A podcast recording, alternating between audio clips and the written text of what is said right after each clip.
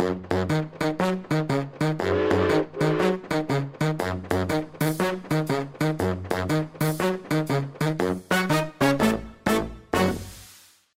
har jeg den utsøkte glede å ønske alle lytterne hjertelig velkommen til en ny episode av Ekspedert. Ekspedert er en podkast fra museet her i, Narvik. Hjertelig velkommen skal dere være, alle sammen. I dag sender vi fra eh, administrasjonsveien 3, der vi holder til. Vi har en spennende gjest, og ikke minst et eh, spennende tema vi skal ta opp i dag. Vi skal prate om eh, det som finnes i fjell, det som er over fjorda, og kanskje komme litt inn på industrien i Ofoten. I studio har vi fått han Trond Blomli. God dag og velkommen, Trond. God dag, Jon.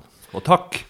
Veldig hyggelig å ha deg her. Vi eh, har hatt en del skumle hensikter med deg i forbindelse med denne podkastsendinga Ekspedert, for det er ikke første og ikke siste gangen du er her i studio?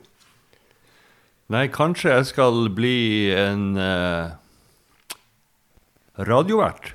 Kanskje du skal bli en radiovert på dine gamle dager, for du begynner å dra på årene, Trond. Ja, nå er jeg i hvert fall pensjonist uten å trekke så mye på årene, men jeg hoppa av eh, karrieren så fort det lot seg gjøre. Da går jeg rett oppover på eh, folkeopplysningsspørsmålet. Podkast er jo ganske populært, og alle skal jo lage en podkast. Men har du noen formening om hva forkortelsen POD står for? Ja, Den første har vel noe å gjøre med portable, altså bevegelig. Men eh, resten det aner jeg ingenting om. Bare at du kan få det bevegelse akkurat når du vil. Portable on demand. Det fant vi ut når vi satt oss og jobba med forberedelsene her til eh, podkasten. Trond, du har jo eh, vært eh, en, eh, en, yrkesaktiv eh, liten krabat, og nå skal du da være en like aktiv pensjonist. Eh, blant annet så har du eh, vært deltakende i mange historiske dokumenter, bl.a. i slekts- og historielag, og skriver en del årbøker. Du har også skrevet ei ganske betydelig bok som heter 'Skatter i fjell'. Kan du si noe om hva det er for noe? Ja, 'Skatter i fjell' det er jo det som eh, tittelen sier. Det handler om eh, verdifulle ting i fjellet. Ikke bare malm, men også historien om de som eh, hadde en drøm om å finne malm. Og Tysfjord og Ballangen og Narvik har jo det til eh, felles at de har ei betydelig og omfattende bergverkshistorie. Og på et eller annet tidspunkt så fant han Lars Sløttjord ut at det her kanskje burde skrives ned og puttes mellom to permer. Og da var jo ikke veien veldig lang for å søke penger om å få til en sånn her bok. Eh, alle kommunene var enige om at det her hadde vært snadder å ha ei eh, bok om eh, de kommunenes felles historie. Og det var ikke skrevet noen bøker før om bergverkshistorie.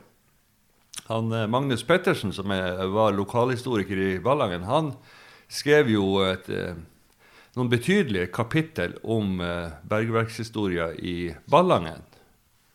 Men om bergverkshistoria i Tysfjord og Narvik, om, om alle skjerperne og alle de her drømmene som ble knust, det var egentlig ikke skrevet ned noen plass. Og det hørte jo med at man måtte lete fram historia, skrive den ned og gjøre den attraktiv for folk flest. Og dermed så ble det jo ei turbok med anbefalte turer opp til plasser i terrenget hvor du kan se fysiske spor etter de som har hakka og sprengt og leita etter verdifulle mineraler.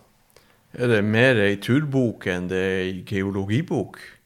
Det er vel kanskje litt av hvert. Der er både litt geologi og litt historie og en del turforslag. Så det er vel mange gode ting i, i ett. Så man kan bare både lære ting og uh, få litt uh, fysisk aktivitet ved å følge dine angivelser i denne boka? Ja. Det Man får i pose og sekk, for å si det sånn. Ryktene skal ha det til at du ikke har vært på en eneste av de her turene her, stemmer det? Ja, Nå må jeg nesten ta litt betenkningstid. Ville være ille hvis jeg ikke hadde vært på noen av de her eh, plassene. For jeg skriver jo i boka som om jeg står der og, og forteller videre hva jeg ser. Men det skal jo sies at det er faktisk et par-tre plasser, om ikke fire, som jeg aldri har vært på. Ikke engang i nærheten. Har du noen favorittplasser ut av de plassene du ikke har vært på? Ja, eh, og den ligger i Tysfjord. Den ligger på andre sida av eh, fjorden fra Kjøpsvik. Eh, Storå og Storådalen og Storåvatnet. Og hvis du går opp der og videre innover eh, opp i eh, dalsida, så kommer du til Funta. Og der eh, ligger det en eh, blyforekomst som eh, en av samene i Tysfjord måtte oppgi under nærmeste trussel om tortur fra en biskop Gunerius. Hvor var det de henta bly så de kunne støype kuler? Og til slutt så fortalte han hvor det var. Og det var da oppe i Storedalen. Der har jeg aldri vært. Men der har jeg vært. Oi! En fantastisk Ja. plass, og, uh, før jeg leste boka di, til og med. Men jeg har, uh, jeg har uh, bladd mye i boka di og brukt det som ei turbok. Og også som ei, ei opplysningsbok når det gjelder geologi. Eh, jeg syns du har vært kjempeflink. Tusen Eh, takk. eh, Har du andre plasser der du har lyst til å fortelle om kanskje plasser du har vært? Å ja, det er mange plasser som jeg har vært, og det er mange gode historier rundt omkring. Og kanskje en sånn favorittplass blant de plassene jeg har vært på. Så er det jo de, denne gullgruva oppe med Gautelis. Den er jo litt eh, spesiell. Og det var jo han som var direktør for Bjørkåsen gruver i en periode på 20-tallet. Han eh, var full av ideer og tenkte som så det at eh, når denne svovelkisten en vakker dag tar slutt, hva skal vi leve av da? Så han var stadig på leting etter nye ting som kunne brukes i, eh, i gruvedrift, og som kunne sprenges ut av fjellet og foredles og selges videre med fortjeneste. Og da dukka denne gullforekomsten. Men egentlig så var det ikke en gullforekomst, det var arsenkis. Eh, og hvis du har vært borti arsenikk, så er jo det nært beslekta med arsenkis. Så det, det, det er ikke så mye gull å finne. Jeg hører jo rykter om at eh, fjellene er fulle av gull her. Ja, det er flere gullforekomster i Ofoten. Det er det. Eh, på Haugfjell og eh, inne i Hunndalen og oppe med Katteratsjøen og eh, Sjomenfjellene. Og det er til og med en gullforekomst på Håfjellet i Ballangen. Er det bare å gå og grave og finne det? Nei, det er det ikke. Så enkelt er det ikke. Nei. Eh, for da hadde det vært gruvedrift og hallelujastemning over det meste for lenge siden. Det har vært en del gruvedrift, eh, kanskje spesielt i Ballangen. eh, De går jo enda. Eh, Jeg treffer folk på gata i Narvik, og når jeg sier at jeg har begynt å jobbe på museum, og at det handler om bergverk og malm og Da er det mange som stusser litt. Ja, Narvik, hvor er gruven i Narvik hen? Hva har Narvik med gruvedrift å gjøre? Narvik er jo en malmby. Vi har jo malmkai, vi har malmbåter, vi har eh, malmtog, vi har en eh, malmbane. Men vi har ikke eh, malm. Det vil si, vi har jo malm som er på vei forbi. da. Det kommer jo dungevis med malm fra jerngruva i Kiruna. Men den skal jo bare gjøre midlertidig stopp i Narvik, nede i noen av siloene, før den skal videre ut på verdensmarkedet og bli til stål og jernbjelker og skinnegang og alt mulig. Og så kjøper vi det tilbake igjen når vi skal bygge bruer, f.eks. Ja, det gjør vi. Vi har hatt oss en runde på museet her i dag og kikka litt på eh, utstillingen vår. Så eh, da går vi nå forbi noen bruer. Eh, Har du noen favoritter her i, på dette museet som du har lyst til å trekke frem? Det er mange spennende ting å se på Ofoten museum, eller Narvik museum. Eh, lekre utstillinger fra Fagernes og fra dykking på havna og skolehistorie og mannbåthistorie. Men Der er også en, eh, en modell av Nordalsbrua på Ofotbanen, som har ei litt spesiell historie. Og den er knytta til eh, revolusjonen i Romania. Du verden. I desember i 1989 så var det jo ble Ceaucescu eh, kasta som president. Og plutselig så kunne alle rumenerne få sjansen til å reise hvor de ville. Du trengte ikke å eh, få en tillatelse fra myndighetene for å komme deg ut av landet. Før det så hadde det vært umulig for de som hadde lyst til å besøke et annet land, og så, ja, et vestlig land, da, til å komme seg ut. Men så var det altså to eh, biologer, grottebiologer, som hadde funnet ut at Romania hadde skrevet under på Svalbardtraktaten fra 20-tallet. Og I den Svalbardtraktaten så står det at alle de landene som har skrevet under på traktaten, har eh, rett til å drive vitenskapelige undersøkelser på Svalbard uten å måtte søke noe tillatelse fra Norge. Og eh, de her to den tenkte at her kan vi eh, ruste ut en vitenskapelig ekspedisjon til eh, Spitsbergen for å se om det er noen grotter der oppe, og eventuelt hva som finnes av liv i de her grottene. For det var det som var deres spesialfelt. Så de, de hermetiserte mat, de tørka poteter, de tørka løk, og de rusta ut en svær ekspedisjon. Og så så de på kartet, og så så de at det, det går jo en jernbane nesten helt opp til Spitsbergen. Det er bare så lite som skal til før du er helt fremme i Longyearbyen med tog.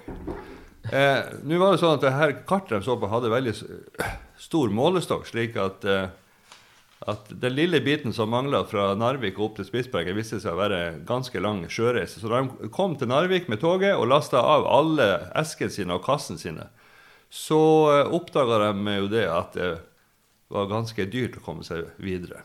Når du eh, nevner Svalbardtraktaten, Trond, så eh, klarer jeg ikke å dy meg for noe annet enn å smette inn at eh, den siste nasjonen som har ratifisert Svalbardtraktaten, er Nord-Korea. Lurer på om de leser kartene like godt. så de tar eh, Transsibirske jernbanen til eh, Longyearbyen? Jeg er jo litt spent. Da, da kommer de i hvert fall forbi Narvik. Det kan jo bli interessant. Men i alle fall så eh, sto det plutselig to rumenske grottebiologer på perrongen på Narvik stasjon eh, på eh, sommeren 1990. Altså første og beste mulighet etter revolusjonen, så to, la de kursen nordover. Og så oppdaga de at det var dyrt å komme seg videre, og de hadde ikke penger. Og da gikk de ned til rådhuset, det er jo helt naturlig, for å få hjelp. Og der traff de den daværende næringsminister i Narvik kommune, som sa det at på Katrat har kommunen stående et tomt hus. Eh, det kan dere få lov til å låne gratis. Mot at dere undersøker grotten i Ofoten. Ja, det her syns jeg var en eh, flott deal, så de pakka alt sammen på toget igjen, og så dro de opp til eh, Katrat. Der traff de oss som da bodde på Katrat. Og vi var jo, prøvde å være et godt eh, vertskap mot de her stakkars eh, rumenerne som nesten ikke snakka et ord engelsk, og som kom der med mat og kasser for et lengre opphold på Spitsbergen. Og så lurte de på hva kan vi gjøre her. Og etter en stund så sier han Viorell, en av dem, at jeg har lyst til å lage en modell av Nordlandsbrua. Tror du at museet kan være interessert i en modell av Nordlandsbrua? Og sånn starta det. Vi eh, dro ned til eh, museet her. Gikk inn på kontoret til han eh, Lars, som da var høvding på museet, og spurte er dere interessert i en modell av Nordåsbrua. Han svarte selvfølgelig ja, men vi har ikke penger til å betale for en sånn. men han, Viorella var så ivrig på å få bygge denne modellen at han satte i gang og tok sjansen på at det dukka opp penger underveis. Det kan vel nevnes eh, i den historia der at vi har enda ei feltseng stående her på museet som han visstnok skulle ha overnatta en del på mens han holdt på med det prosjektet. Ja, og han satt jo eh, oppe i verkstedet på eh, Katrat og smidde i hop det her. fordi at det som er spesielt, er at den modellen der nede den består av akkurat like mange deler som den originale brua som står oppe i Nordland. Nøyaktig like mange deler. Og han, eh, istedenfor å bolte sammen eh, de her delene, så tok han og lodda dem sammen. Så han eh, har lodda sammen flere tusen eh, Og for å få det her til nøyaktig, så laga han seg en sånn her jigg hvor han kunne legge ut de her dragerne og delene, slik at det ble eh, ordentlig og helt korrekt i forhold til, til originalen. Han brukte også originaltegningen for å se hvordan de hadde liksom gjort jobben i eh, eh, 1902 og 1901, når de bygde brua. Brua ble jo bygd på relativt kort tid av eh, tyske ingeniører og håndverkere. Eh, brukte han rumeneren her lang tid på den modellen her? Han brukte vel omtrent like lang tid som de eh, brukte når de bygde brua. Og han var jo alene da, eh, og skulle håndtere like mange deler som dem som var et arbeidslag på mange mann. da. Så sånn sett så er det jo flere likheter. Eh, I tillegg så har han jo bygd et landskap rundt brua som er til forveksling likt landskapet som ligger rundt brua oppe i, i Nordland. Og så var det jo en gang han, eh, når han bygde det her landskapet, så måtte han ta med seg brua ned til Romania, for han skulle bygge landskapet i Romania på vinteren. Og så måtte, For å liksom få det til å stemme, så måtte han ha med seg brua. Så han tok, eh, pakka ned brua, tok den med til Romania, bygde opp det her landskapet og, og prøvde brua om den passa til landskapet. Og så lasta han alt sammen inn i den bitte lille bilen sin og putra nordover eh, på sommeren. Og så kom han over med danskebåten til Oslo, og så ble han stoppa av en morsk tollbetjent som var skeptisk til alle biler med rumenske skilt. Særlig de som var fylt med helt under taket med, med kasser og, og, snodige ting. Da, og på taket også. Så uh, What is your business in Norway? sa han til han Viorel. I am building a bridge, svarte han uh, Viorel, som da hadde fått skikk på engelsken sin. Uh, I don't believe you, sier uh, tolleren. Uh, but I, I, I, can show you. og så uh, åpna han bagasjerommet, og så pakka han ut brua. Oh, sa tolleren. It's a model bridge. Of course, sa han uh, Viorel. og så fikk han lov til å dra videre. Han, I tillegg så hadde han jo laga seg en mappe hvor han hadde eh, fotostatkopiert alt som var av avisoppslag i Fremover om denne eh, jobben som han eh, gjorde, slik at han kunne dokumentere for morske tollere at han var ute i lovlig ærend. Fantastisk. Og nå står hun her på, eh, på museet. Ja, og ikke bare det. Det tok ikke så lang tid etter at brua havna på museet her, så var det besøk fra eh, selveste overdirektøren på LKAB fra Stockholm. Kom på besøk. Og eh, rask gjennomgang i museet, og så ble han selvfølgelig stående som fastfrosset fremfor denne nordalsbrua. Norddalsbrua. Og han viste seg å være da en eh, modelltogentusiast. Så han, eh, alt som hadde med små tog og modeller å gjøre, det, der falt han i staver. Det var det ingen som visste. En hemmelig last. Og så står han der og så sier han, ei sånn bru vil jeg også ha, men jeg skal betale godt. Og så ble det sånn at han, eh, Viorel ble invitert over til Kiruna, og i fire måneder så satt han nede i stupmørtene nede på eh, 1000 meters eh, dybde inne i en sal der og bygde da en tro kopi av Nordlandsbrua. Modell nummer to av Nordlandsbrua. Du verden. Og ryktene spredde seg, eh, og til slutt så fikk han Jurel også en eh, henvendelse fra Jernbanemuseet på Hamar. De hadde hørt at det fantes to fantastiske modeller av Nordlandsbrua. Det hadde de ønska seg bestandig. Så eh, dermed så gikk ferden videre ned til Hamar, og da satt han i eh, Hamar i et år og bygde en modell av Nordlandsbrua, slik han hadde gjort to ganger før. Like nøyaktig, like fint. Og det endte opp med at han fikk eh, såpass eh, inntekter at han kjøpte seg hus på Hamar et steinkast fra det lokale kretsfengselet. Og der nyter han sin pensjonisttilværelse. Fantastisk. Ja. Så det fins eh, tre eh, modeller ut av eh, den vakre, majestetiske Nordlandsbrua. Ja, men vi har den første og den flotteste. det, det skal jeg sikkert. Jeg var og vandra litt under den originale, autentiske Nordalsbrua i ja. sommer. Og der er det jo tilrettelagt nå eh, med veldig Bålplass, oh, benker, sti og eh, Nye bruer. Ikke minst. Ja. Det er et fantastisk opplevelse å være under denne brua. Ja. Og man ser jo også uh, sporene etter når de prøvde å sprenge den i 1940. Ja, Er ikke det litt snodig, det her, at de bygde bru bare for å kunne sprenge henne? Nei, det var ikke så snodig. Det var sånn Forsvaret tenkte da, og til dels også tenker i dag, at eh, de ønsker egentlig å ta høyde for sånn worst case-scenario. Dvs. Si det at russerne kommer hvert øyeblikk gjennom Sverige og skal ta Narvik. Og da gjelder det å kunne ødelegge jernbanen i full fart. Så de bygde inn svære sånne sprengningskammer i konstruksjonen til Nordåsbrua for å kunne fylle det med dynamitt. Eh, men det var så lite sannsynlig at den ble, jo, eh, den ble jo heller fylt av is på vinteren. Og til, uheldigvis så kom tyskerne fra feil side og på feil tid av året, og dermed så lot det seg ikke gjøre å sprenge brua. Så eh, det er grunnen til at den står der i dag. Ja. Eh, men nå er det bygd ny trasé forbi brua, og eh, den står egentlig bare som et eh, fantastisk monument for tysk byggekunst. ja. På et tidspunkt så prøvde jeg å overtale han Lars til å få overta den brua der. Du skulle ha deg din egen private bru. Eh, ja, eller museet kunne hatt sin egen private bru.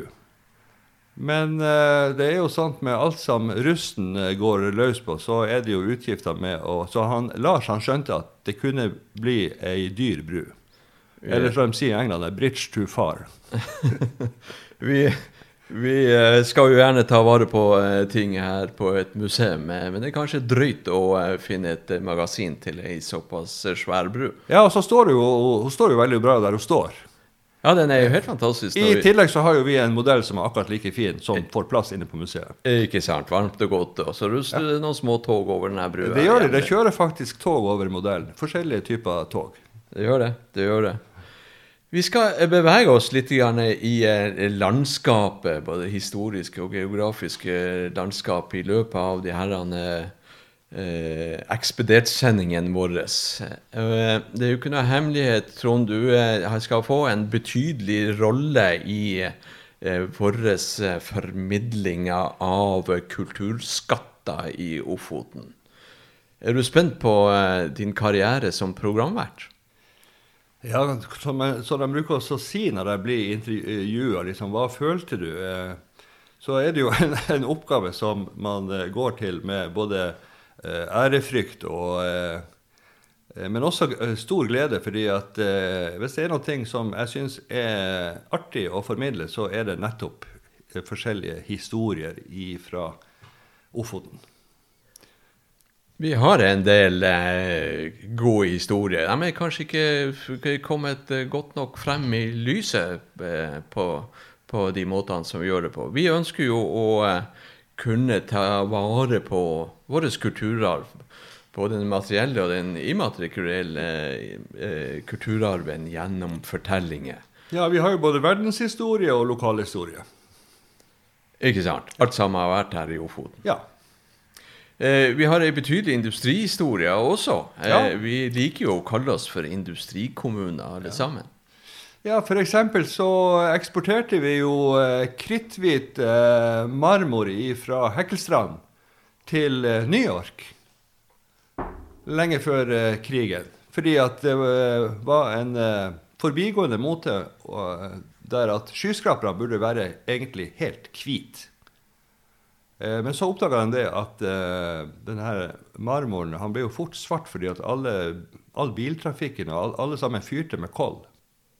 Så det ble, eh, det ble eh, Svart marmor. Ja, Ja. etter hvert. Så det slo ikke så godt an som de hadde tenkt. Så det, det ble eh, grå granitt i stedet for. Og gjerne også eh, svart bygningsstein. For den var ikke så synlig, egentlig. Men eh, Så den her første båten med, med flott marmor fra Heggstrand kom frem til New York. Så var hele markedet og kundene borte vekk. Og det endte opp med at de bare måtte tømme lasta på havna i New York. Så der ligger veldig flott stein fra Hekkelstrand. Hvit og fin. Ja. Ja, suverent. Vi har en ambassade i London som også er dekt med, med, med stein herifra. Ja, den eh, japanske ambassaden den er dekt med hvit marmor fra Hekkelstrand. Veldig flott bygg. Vi har bilder ut av den. Ja, ikke sant? Eh, når jeg sier vi skal lage programmer i, eh, fra eh, hele Ofoten, og Ja, da, da mener vi hele Ofoten. da mener vi hele Ofoten, det som nå eh, en gang var noen grense som er, man nå satt. Eh, jobben som jeg hadde her på museet, så jeg har jeg vært så heldig at jeg kunne få gravd litt grann rundt omkring i både årbøker og dokumenter. Vært inne på museene både på Korsnes og i Kjøpsvik og i Ballangen og her i Narvik. Eh, Kjøpsvik har jo eh, mange gode historier vi kunne henta fra både fra urtiden og oldtiden og moderne historie. Ja, vi har historier helt fra 40 000 år tilbake i tida fra Kjøpsvik. Eh, og det er det jo ikke så mange andre plasser her som har, egentlig. Nei, men da skal jeg slå deg litt på årstallet, Trond. Ja. Vi har eh, ganske sikre bevis på at det er funnet isbjørn som vandra i Tysfjorden for 143 000 år siden. Det det må, jeg si. Fantastisk. Slå den, du. Ja, slå den, du. Og så har vi jo nyere industrihistorie med bygginga av sementfabrikken på Kjøpsvik. Og det var jo en revolusjon for eh, alle innbyggerne i Tysfjord. Og da må jeg si det at uh, historia rundt sementfabrikken i Kjøpsvik den er, den er, mangfoldig og svært interessant. Både fra oppstarten og det som har skjedd opp gjennom nyere tid. Uh, er det nå, nå Kunne vi ha laga noen podkastsendinger rundt de, de temaene? Ja, vi kunne ha laga ei podkastsending som bare handla om hvordan man lager sement og hva man bruker sement til. Og hvor mange forskjellige kvaliteter av sement som finnes, og kalkstein og alt mulig. Og så kunne vi ha laga en annen podkast som bare handla om den gangen de skulle legge ned fabrikken. Oh, har det vært planer om å lagt ned den fabrikken? Går ja, ikke den så det suser? Ja, den går så det suser, men uh, det, har, det, det, er ikke alltid at det betyr noe. fordi at uh, det er andre strategiske hensyn som, som veier for og mot. Og flere ganger så har man villet lagt ned fabrikken i Tysfjord. Både fordi at den ligger et stykke unna, og at man vil heller vil satse på industristeder som, eh, som ligger andre plasser mer sentralt. Men den ble ikke nedlagt. Det, det, det ble, så vidt jeg kan huske, så ble det både si, Molo-Kai, men det ble eh, bygd en ny ovn i Kjøpsvik på Norskjem der, og det, de fikk jo vei også. Ja, det gjorde de. Så fra å ha eh, nedleggingsspøkelse flagrende over eh, bygda, så var det noen i eh, kommunen som tok noen viktige grep, og dermed eh, endra beslutninga fra nedlegging til full fart forover. Det der historien tror jeg kunne jeg tenkt meg å høre mye mer om. Kanskje det kunne vært en episode for oss å lage rundt det temaet? Det skal vi. Absolutt. Vi finner sikkert folk som kan eh, prate mye godt og varmt om den saken. Ja, for det er ikke så lenge siden, så det burde være mulig å finne autentiske kilder, bare vi leter godt nok. Vi hadde en eh, tur i høst, sånn museumsturer mellom eh, Narvik, Ballangen og Tysfjorden, og, og, tilbake igjen i forbindelse med, med ny, ny Narvik kommune. Ja. Eh, Tysfjordveien inn fra Sætran inn gjennom er jo en, et fantastisk byggverk av en vei. Og vi kjører jo gjennom katedraler etter katedraler som er bare et skue å se på. Ja, det er sant, det. Og nå husker ikke jeg nøyaktig når uh, veien ble åpna, men uh, jeg mener å huske at det var han kong Harald som uh, klipte snora for den der veien. Så det må ha vært et stykke ut på 90-tallet. Eh, og så har det jo vært eh, Det var jo veldig mye diskusjon om var det virkelig nødvendig å sprenge en svær tunnel gjennom eh, nasjonalfjellet Stetind. Og det ja. gjorde man. Men eh, det var ikke uten motstand. Og det kunne vi også ta med. Det er vel ingenting som går uten motstand noen plasser. Men eh, da, da, eh, skal vi eh, forhåpentligvis få med oss en del folkeopplysning og god historie og viktig dokumentasjon fra, fra Tysfjord ganske snart. Vi må dessverre begynne å avrunde det her, Trond. Du er prata deg varm og er klar for å reise litt rundt i, med de her mikrofonene det lille studioet som vi har eh, laga til her. Ja, det skal bli en sann svir å ta med seg det her uh, utstyret på turné i Ofoten for å plukke fram gode historier. Og som jeg sier, mottoet vårt er da etterrettelig entusiasme. for alt av historie fra ja, små og store plasser i Ofoten. Ikke dumt, ikke dumt. Da eh, avrunder jeg med å ønske alle lytterne en videre god dag. Eh, jeg håper dere har hatt glede av å høre på oss her i studio. Eh, følg med når vi legger ut eh, neste sending av Ekspedert. Og takk for at dere lånte ørene deres til oss, og ha det bra så lenge.